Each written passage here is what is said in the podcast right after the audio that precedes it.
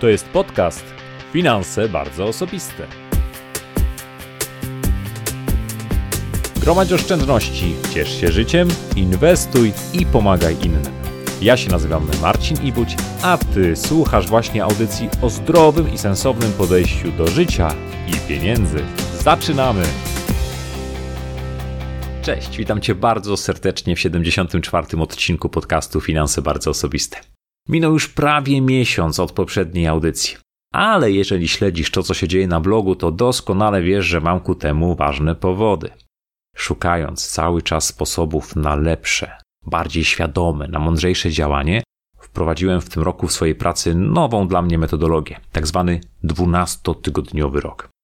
Nie będę tu o niej opowiadać, bo te informacje znajdziesz na blogu oraz na moim kanale na YouTubie. Efekt jest w każdym razie taki. Po pierwszych 12 tygodniach stosowania tej metody skutecznie zrealizowałem więcej zakładanych celów niż w jakimkolwiek porównywalnym okresie. Ale po drugie, i to jest znacznie dla mnie ważniejsze, o wiele lepiej przeanalizowałem mój budżet czasu. Jeżeli czytasz blog, to doskonale znasz powiedzenie, że zrobić budżet domowy to powiedzieć swoim pieniądzom, dokąd mają iść, zamiast się zastanawiać, gdzie się rozeszły. I w praktyce podobne zasady, dzięki którym można skutecznie zarządzać swoimi pieniędzmi, da się zastosować również do zarządzania swoim czasem. Okazało się, że realizując blogowe aktywności tak jak do tej pory, nie będę w stanie wygospodarować czasu na przygotowanie nowego kursu online pod tytułem Jak mieć więcej pieniędzy. Opisałem ostatnio, co będzie mniej więcej w tym kursie, może zajrzeć na blog, ale zakładając, że wszystko robiłbym tak jak do tej pory, to na tworzenie tego kursu zostałaby mi godzina dziennie. No to jest oczywiście za mało, żeby sprawnie stworzyć wartościowy produkt, kurs, który ma prowadzić za rękę w stronę finansowego bezpieczeństwa. A zależy mi bardzo na tym, żeby kurs powstał przed wydaniem książki o inwestowaniu, nad którą pracuję już 11 miesięcy. Dlaczego? No sprawa jest prosta. Aby inwestowanie miało sens, no to trzeba mieć co inwestować. Dlatego właśnie podjąłem decyzję, że w najbliższych miesiącach chcę poświęcić bardzo dużo skoncentrowanej uwagi kursowi, dokonując ostrych cięć moich innych blogowych aktywności. No i od trzech tygodni tak się dokładnie dzieje. Co nie oznacza pod żadnym pozorem, że zaprzestałem kontaktów z czytelnikami bloga i słuchaczami podcastów.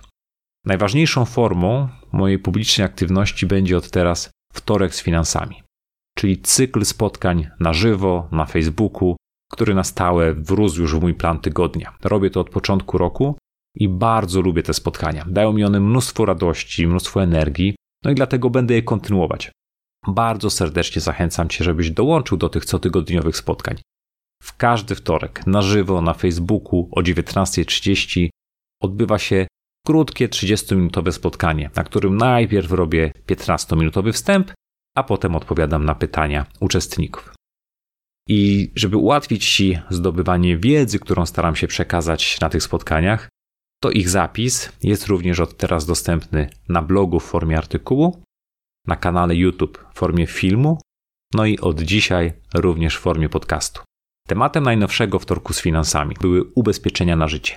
Jak działają ubezpieczenia na życie? Które są najbardziej sensowne? Co wziąć pod uwagę, decydując się na takie czy inne ubezpieczenie? Jeśli masz czas i ochotę, to już w najbliższy wtorek o 19.30 zapraszam na spotkanie na żywo na Facebooku na kolejny wtorek z finansami. Możesz tam pytać o sprawy, które chodzą ci po głowie, a ja postaram się w najlepszy możliwy sposób udzielić ci na nie odpowiedzi. A jak to wygląda w praktyce? Dokładnie tak.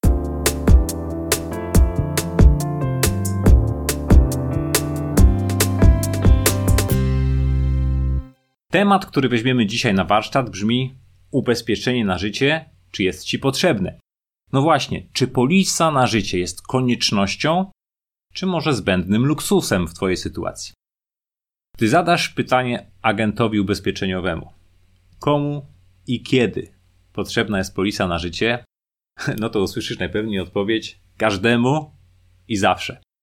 Tylko, że zasięgając takiej porady u agenta, łamiesz podstawową zasadę, która brzmi: Nigdy nie pytaj fryzjera, czy potrzebujesz strzyżenia.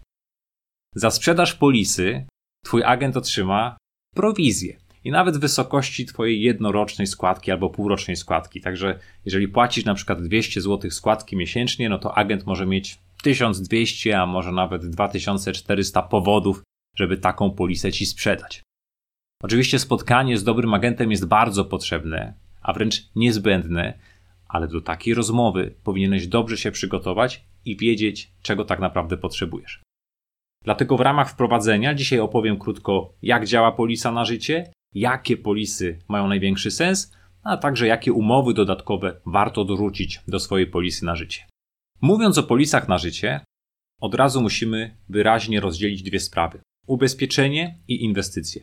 To jest bardzo, bardzo ważne, bo dorzucanie do polis na życie tych elementów inwestycyjnych jest bardzo częstą przyczyną niezadowolenia klientów. Nie siląc się na tam żadne słownikowe definicje, opisałbym te dwa pojęcia tak. Celem inwestycji jest osiąganie zysków. Celem ubezpieczenia jest unikanie strat, czyli transfer ryzyka. Nie ubezpieczam się po to, aby pomnażać pieniądze, ale po to, aby uniknąć dotkliwych materialnych strat. Weźmy takie ubezpieczenie jak autokasko. Masz samochód, który jest ci niezbędny do pracy. Wykupując autokasko, w zamian za określoną składkę zapewniasz sobie to, że gdy ktoś rozbije lub ukradnie twój samochód, no, otrzymasz odszkodowanie pokrywające całość albo większość strat materialnych. To pozwoli ci kupić kolejny samochód, pewnie tańszy, ale większości strat materialnych unikniesz. Zatem kupując ubezpieczenie w zamian za składkę opłacaną do zakładu ubezpieczeń, przenosisz ryzyko finansowe zdarzenia, takiego jak kradzież czy zniszczenie samochodu, na ubezpieczyciela. Dlatego celem ubezpieczenia jest transfer ryzyka. I chciałbym, żeby się to bardzo dobrze zapamiętali. Jeśli jesteś właścicielem Audi A6 z 2015 roku i 5 na 100 takich samochodów co roku zostaje skradzionych, no to mamy jakieś tam 5% prawdopodobieństwa, że również Twoją Audiczkę zakoszą. To pozwala zakładowi ubezpieczeń oszacować ryzyko. Ale jak to jest z ubezpieczeniem na życie? Przecież o ile naukowcy właśnie tam czegoś nie odkryli, no istnieje 100% prawdopodobieństwa, że każdy z nas umrze. Czy firmy ubezpieczeniowe powariowały, sprzedając polisy na życie? Hm. Nic z tych rzeczy. Potrafią doskonale liczyć i zarabiać pieniądze. Znając dane statystyczne, w tym prawdopodobieństwa śmierci z różnych powodów, świetnie szacują, jak wysoka powinna być składka zebrana od wszystkich ubezpieczonych, żeby wystarczyło nie tylko na wypłatę tych świadczeń, no ale też na solidny zysk takiej firmy ubezpieczeniowej. Dodatkowo w umowach ubezpieczenia znajdują się różne wyłączenia. Na przykład, jeśli popełnisz samobójstwo w ciągu dwóch lat od zakupu polisy, no to świadczenia wtedy nie będzie. Musisz się wstrzymać dwa lata. Jeśli palisz, jeśli pijesz, jesteś otyły, w kiepskim stanie zdrowia, to firma albo nie obejmie cię ochroną ubezpieczeniową, albo tak wysoką wyliczy składkę, no że sam wtedy zrezygnujesz i oczywiście, co również jest bardzo ważne, nie ubezpiecza się zwykle osób powyżej 70 czy 75 roku życia. I tu jest dla Was pierwsza, bardzo konkretna wskazówka. Jeśli kiedykolwiek kupicie policę na życie, bardzo dokładnie przeczytajcie wszystkie tak zwane wyłączenia odpowiedzialności, czyli sytuacje, w których pomimo śmierci suma ubezpieczenia nie zostanie wypłacona. Szacowaniem tych ryzyk zajmują się aktuariusze. A kim są aktuariusze? Najlepiej ilustruje to taka anegdotka. Aktuariusz oraz farmer jadą sobie pociągiem i podziwiają takie piękne wiejskie widoki. Patrzą się przez okno i gdy mijają wielkie stado owiec na takim ogrodzonym, dużym pastwisku, aktuariusz patrzy się przez okno i mówi: Jest tutaj dokładnie 1248 owiec. Farmer patrzy się na niego i mówi: O, szacun. Tak się składa, że znam właściciela tego stada, no i faktycznie ma on dokładnie 1248 owiec. Jak pan to policzył tak szybko? No, co aktuariusz spokojnie odpowiada: Łatwizna. Policzyłem po prostu liczbę nóg i podzieliłem przez cztery. Słuchajcie, zakłady ubezpieczeń i zatrudnieni przez nie aktuariusze naprawdę świetnie potrafią liczyć. O ile materialne straty przy kradzieży samochodu czy pożarze mieszkania są oczywiste, to o jakich stratach materialnych może być mowa w przypadku ubezpieczenia na życie? Czy ludzkie życie da się wycenić? Pewnie niektórzy to robią, ale oficjalna odpowiedź brzmi nie. Ludzkiego życia nie można wycenić. Można jednak oszacować coś innego. Można policzyć potrzeby naszej rodziny, która po naszej śmierci no, nie dość, że będzie zmagała się z bólem po utracie ukochanej osoby, no to jeszcze straci pensję, którą ta zmarła osoba przynosiła do domu. Historią podzieliła się z nami na blogu Marzena. Napisała tak.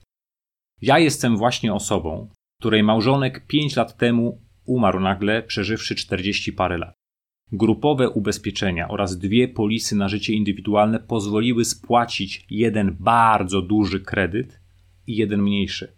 Pozwoliły przez tych 5 lat żyć jeszcze tak, że dzieci, troje, obecnie najstarsza córka już powoli staje na swoich nogach, nie odczuły wielkiej biedy, a w zasadzie starczało na ich zachcianki. Ja zarabiałam dużo, dużo mniej i w sumie dalej jest to kwota nawet poniżej średniej krajowej. Więc jak najbardziej w naszym przypadku, w zasadzie w moim przypadku, polisy pozwoliły w miarę godnie żyć. Oczywiście straty człowieka nie pokryje nic, ale mając dzieci, to chyba naprawdę bardzo dobre zabezpieczenie. I dokładnie tak jest. Zobaczcie, że jeśli mąż Marzeny zarabiał na przykład 4000 zł netto, a Marzena 2000 zł, to po jego śmierci nagle rodzina, która do tej pory miała co miesiąc do dyspozycji 6000 zł na życie, musiałaby teraz przeżyć za 2000 zł. Czy samotnej matce udałoby się za to utrzymać rodzinę? Czy dałaby radę spłacać kredyt hipoteczny? A może w akcie desperacji sięgnęłaby po karty kredytowe, po kredyty konsumenckie albo chwilówki, które nieuchronnie pędziłyby ją w spirale długów.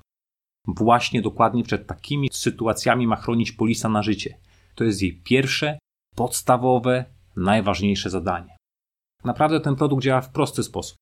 Ty umierasz, twoja rodzina, albo mówiąc precyzyjniej, osoby uposażone, otrzymują wypłatę sumy ubezpieczenia.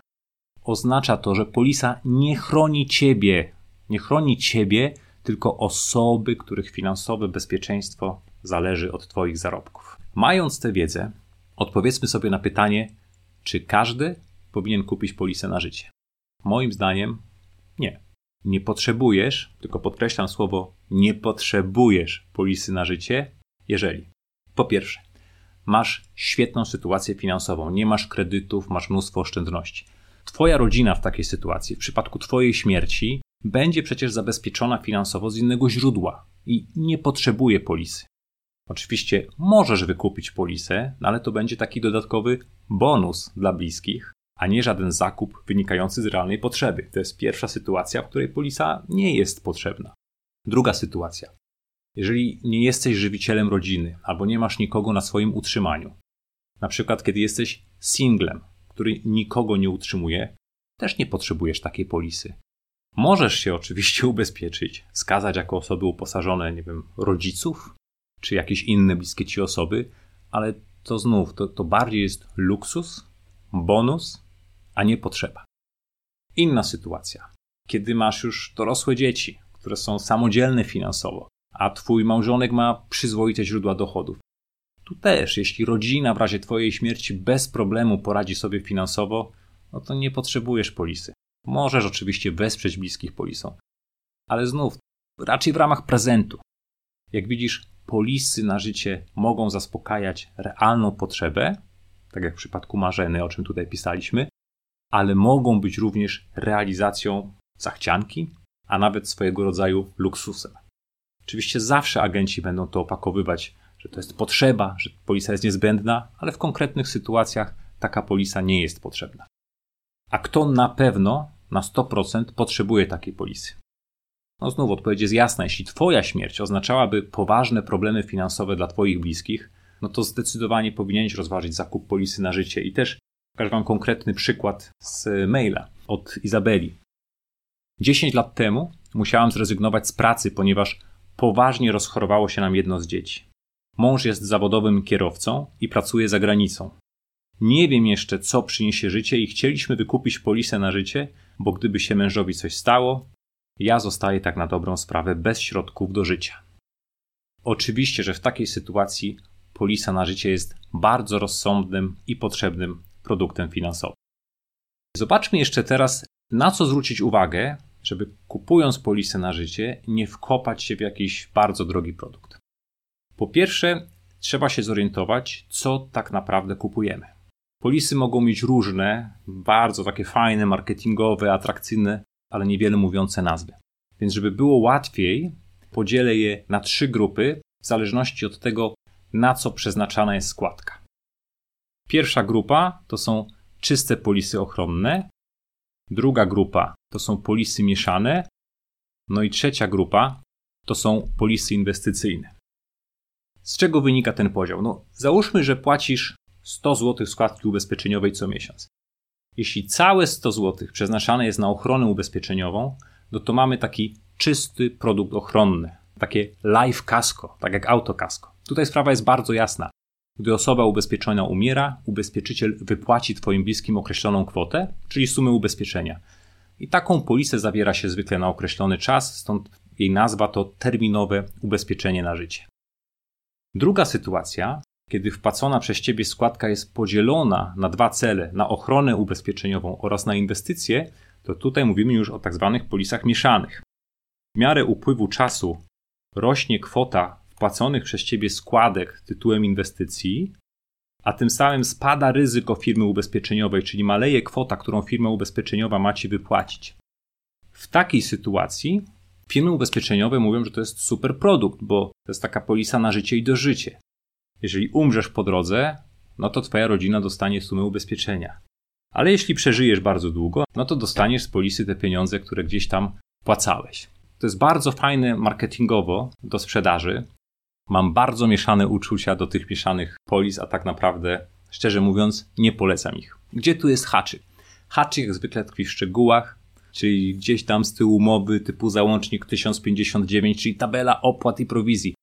Aby inwestycja była opłacalna, no to nie może być ona obciążona wysokimi opłatami, bo wysokie opłaty zżerają nawet najbardziej soczyste zyski a fundusze, które są dostępne w ramach takich polis, są wręcz naszpikowane różnymi opłatami. Dlatego jeśli masz na przykład 300 zł miesięcznie i myślisz, żeby taką kwotę przeznaczyć na ubezpieczenie i częściowo na inwestycje, zrobiłbym to zupełnie inaczej.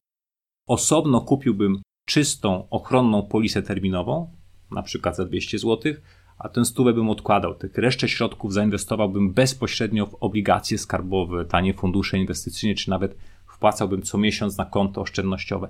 W zdecydowanej większości przypadków będzie to bardziej korzystne rozwiązanie niż próba łączenia tych dwóch produktów na siłę. Taki przykład, no wyobraźcie sobie, że do autokasku ubezpieczyciel proponuje wam jakiś fundusz inwestycyjny. No kupilibyście to? Powiedzielibyście bez sensu, nie? Albo mi ukradną, albo nie.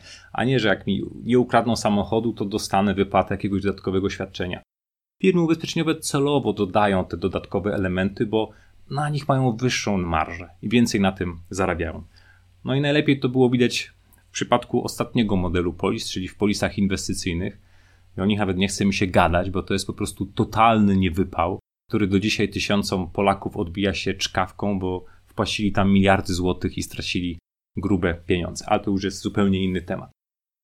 Odpowiedzmy sobie jeszcze na pytanie, jak wysoka powinna być suma ubezpieczenia, czyli kwota, którą otrzymają Twoi bliscy w przypadku Twojej śmierci. I tutaj jest też taka zależność, że im wyższa suma ubezpieczenia, tym więcej oni otrzymają pieniędzy, ale również tym wyższa będzie Twoja składka. Dlatego warto oszacować tę kwotę w rozsądny sposób, bo polisa na życie ma pomóc Twoim bliskim uniknąć finansowych problemów w razie Twojej śmierci, no a niekoniecznie musi umożliwiać im kupno wypasionej willi na francuskiej Rivierze. W moim konkretnym przypadku ja ustaliłem z żoną, że suma ubezpieczenia wyniesie mniej więcej wysokość moich trzyletnich zarobków netto. Gdy kupowałem polisę około 7 lat temu, ustaliliśmy, że w sytuacji mojej śmierci 3 lata to będzie wystarczający czas, żeby moja żona poukładała sobie sprawy finansowe i życiowe, żeby mogła przeprowadzić do mniejszego mieszkania, sprzedać pewne aktywa finansowe, które posiadamy, zwiększyć swoje zarobki, no albo po prostu poznać kogoś, z kim będzie dzieliła dalsze życie. Oczywiście w Twoim przypadku suma ubezpieczenia może być inna, bo w naturalny sposób masz inną sytuację, ale nie ma też co szaleć i z tym przesadzać. A na jaki okres się ubezpieczyć? Wiele osób za namową agentów wykupuje polisę na maksymalny możliwy okres do 70, 65, 75 roku życia, istotnie zwiększając w ten sposób miesięczną składkę. Im ktoś jest starszy, tym większe ryzyko, że umrze. Aktuariusze to liczą i doliczają nam od razu do składki, którą spłacamy. Pokażę Wam, jak to wygląda w moim przypadku. Ja moją polisę terminową będę opłacał do 2027 roku, czyli do momentu, w którym Gabrysia, moja młodsza córka, skończy 18 lat, czyli dwójka dzieci będzie już w pełni dorosła. Dlaczego akurat tyle? Bo żyję zgodnie z zasadami opisanymi na blogu. Z roku na rok nasza wartość netto rośnie, z roku na rok ryzyko, że rodzina nie poradzi sobie finansowo po mojej śmierci maleje. Polisa na dłuższy okres byłaby znacznie droższa, a tutaj za 465 tysięcy złotych sumy ubezpieczenia składka wynosi 203 zł 47 groszy miesięcznie. Gdyby umowa zawarta była na dłuższy okres, wysokość składki byłaby istotnie wyższa. Doszliśmy po prostu z żoną do wniosku, że kiedy nasze dzieci będą pełnoletnie, to w razie mojej śmierci będą potrafiły zarobić na własne utrzymanie. Żona da sobie radę, szczególnie, że po drodze zbudowaliśmy duże oszczędności, żyjąc w zgodzie z zasadami opisywanymi na blogu. Największe ryzyko dla naszych rodzin jest wtedy, gdy dzieci są małe, gdy potrzebują ciągłej opieki i ich edukacja wiąże się z dodatkowymi wydatkami. Dlatego to właśnie do czasu osiągnięcia dorosłości przez dzieci polisa będzie nam najbardziej potrzebna. I już ostatni punkt umowy dodatkowe. Polisa zadziała w taki sposób, jaki opowiedziałem Wam teraz, w sytuacji, kiedy, tak jak mówi Łukasz Martyniec, znacie go, bo był gościem w jednym z odcinków Torku z finansami. Łukasz mówi, że ta polisa zadziała wtedy, jeśli umrzesz raz, a dobrze. Bo znacznie gorzej będzie, gdy w razie wypadku lub skutek choroby stracimy zdolność do pracy i zarabiania. Dlatego warto kupując polisę na życie wziąć jeszcze pod uwagę umowy dodatkowe zabezpieczające przed trwałym inwalidztwem. Czy to w wyniku wypadku, czy to na skutek ciężkiej choroby. No ale to już też otwiera kolejny wątek, a myślę, że pora przede wszystkim odpowiedzieć na Wasze pytania. Słuchajcie, podsumowując, zakup polisy na życie to jest przejaw prawdziwej troski i odpowiedzialności za własną rodzinę. Tak ja na to patrzę. Nie trzeba jednak za taką polisę przepłacać, ani tym bardziej kupować jej w sytuacji, kiedy po prostu nie jest potrzebna.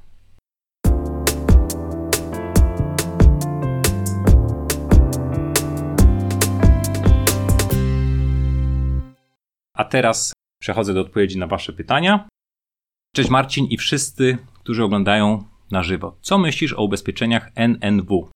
Czy to Twoim zdaniem dobra opcja dla freelancera spłacającego kredyt hipoteczny? Mam na myśli głównie nieregularne przychody, jakąś awaryjną sytuację zdrowotną, której wykonywanie pracy zdalnej nie byłoby możliwe.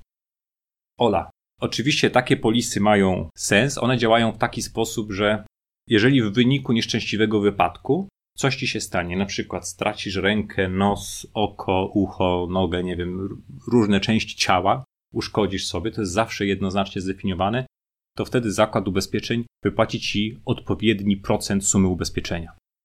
Jeżeli ubezpieczysz się w sumie na 100 tysięcy złotych, powiedzmy, i urwie ci rękę, to tam znajdziesz taką tabelkę z procentami i zobaczysz, że nie wiem, ręka to 30% uszczerbku na zdrowiu, to znaczy, że te 100 tysięcy zostanie przemnożone przez 30%, dostaniesz 30% odszkodowania.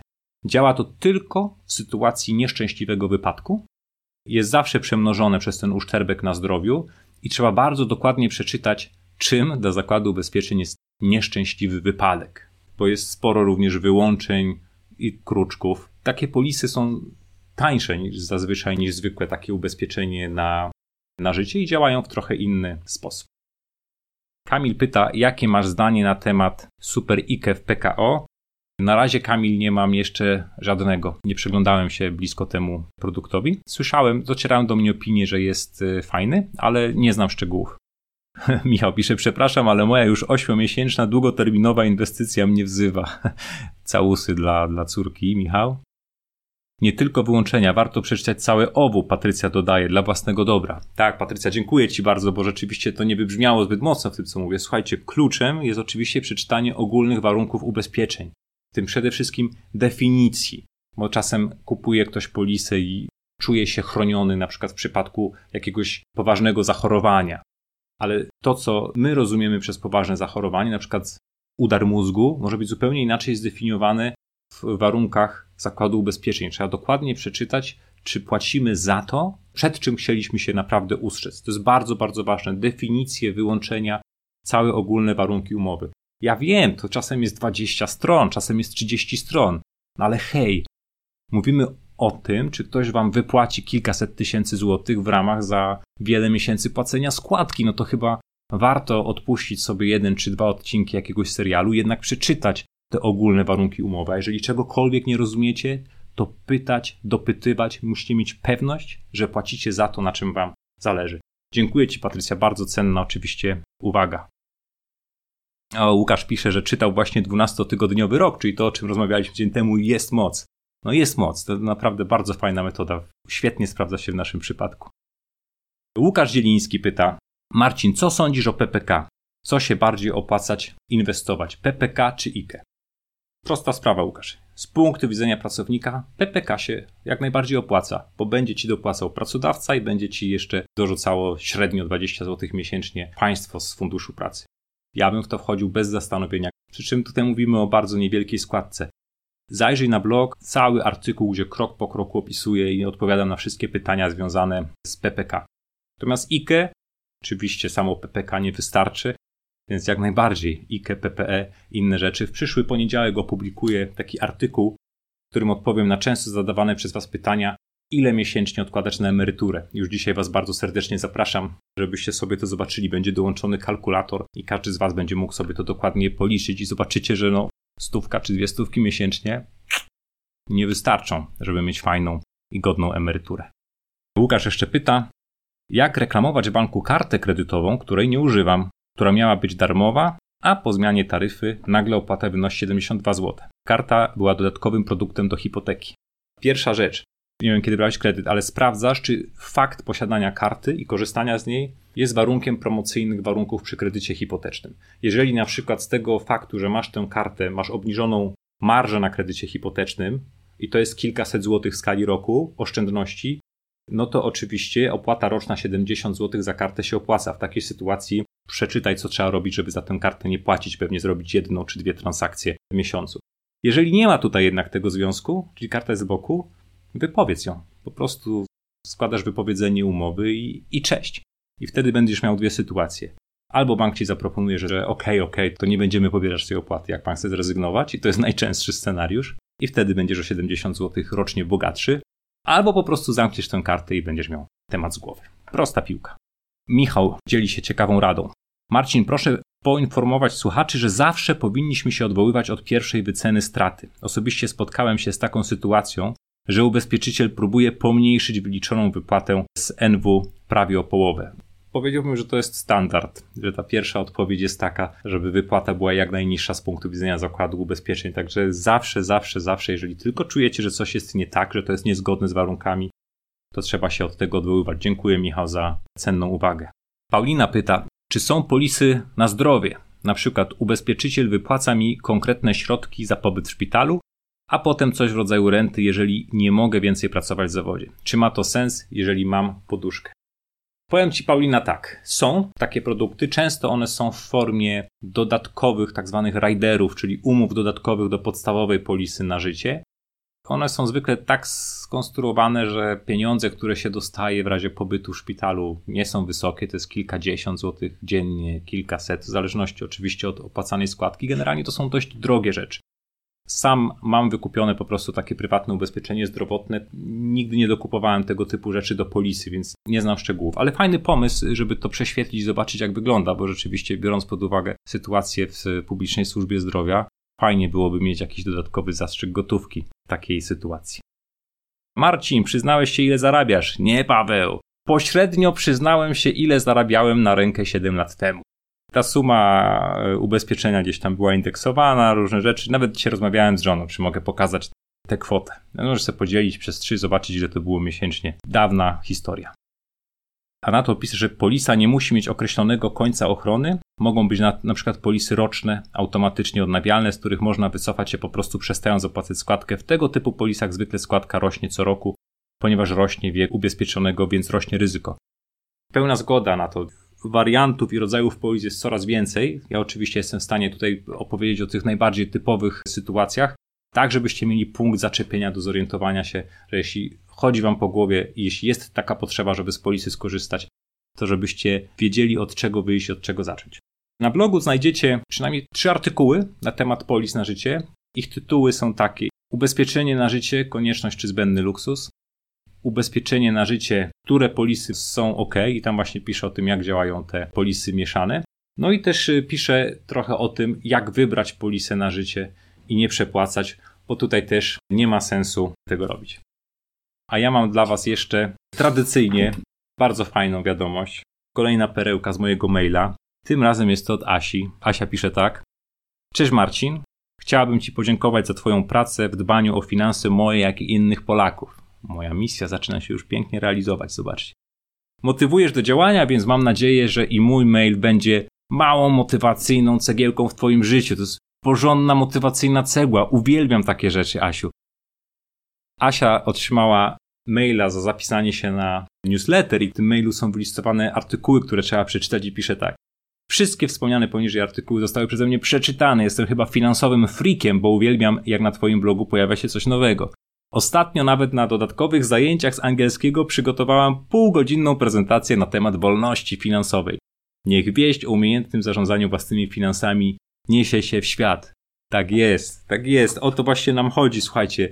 Dawajcie znać, dzielcie się tym, co jest na blogu. Im więcej ludzi będzie świadomie i mądrze podchodzić do swoich finansów, tym lepszym i bardziej bogatym kraju będziemy wszyscy żyli. I Asia pisze, w tym miesiącu wytoczyliśmy wojnę naszemu kredytowi hipotecznemu. Po trzech latach i trzech miesiącach od podpisania naszej umowy nadpłaciliśmy kredyt, który skróci nasz okres kredytowania o 5 lat. Planujemy teraz co miesiąc wpłacać choć kilkaset złotych, jednak konsekwentnie, aby jak najszybciej pozbyć się tego potwora. Brawo Asiu, znakomicie. Trzymam stałej siły za Was kciuki. Bardzo mocno Wam kibicuję, kochani. Jeżeli macie chwilę, to bardzo Was proszę, wejdź teraz na blog. W artykule, który wczoraj opublikowałem, piszę o kursie na temat zarządzania własnymi finansami. Postanowiłem nie pisać tylko o poszczególnych taktykach, tylko dać Wam cały mój system zarządzania finansami, ale żeby zrobić to w taki sposób, żebyście mogli na tym jak najlepiej skorzystać, potrzebuję od Was odpowiedzi na trzy króciutkie pytania, które zadałem w ankiecie na blogu. Będę Wam bardzo, bardzo wdzięczny, jeżeli poświęcicie chwilę i zechcecie to dla mnie zrobić. To tyle na dziś. Bardzo serdecznie dziękuję Wam za dzisiejsze spotkanie i za wtorek z finansami. Widzimy się oczywiście za tydzień. Już dziś serdecznie Was zapraszam. Trzymajcie się. Cześć.